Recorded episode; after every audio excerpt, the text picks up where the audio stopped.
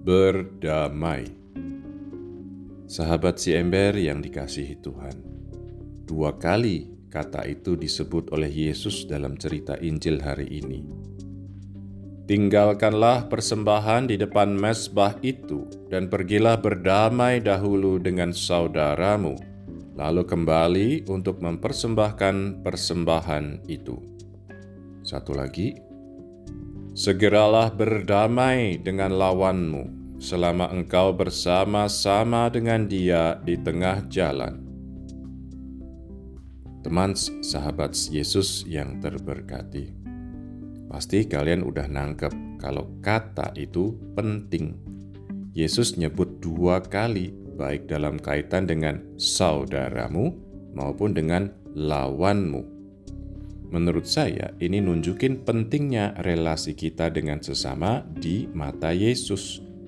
Dia minta kita belajar mengampuni sekaligus diampuni memberi maaf sekaligus meminta maaf. Kalau kalian belum tahu, itu syarat penting untuk bisa punya hati yang bahagia.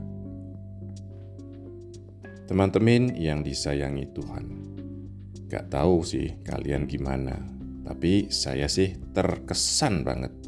Ternyata berdamai itu juga penting loh buat Tuhan.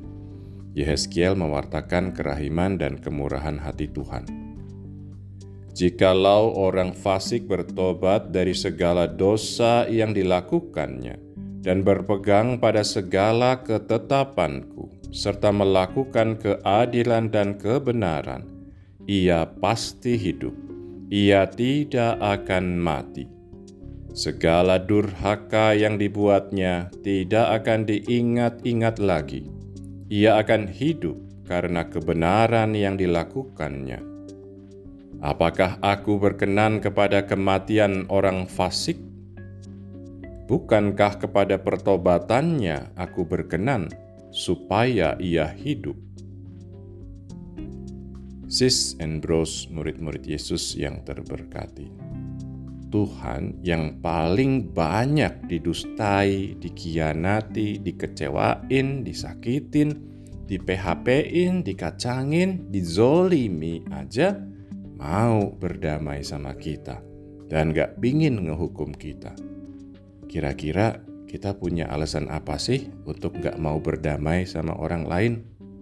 Yuk, berdamai aja supaya bisa hidup dan hidupnya happy. Kalian baru aja dengerin renungan si ember bersama saya, Mo Nano.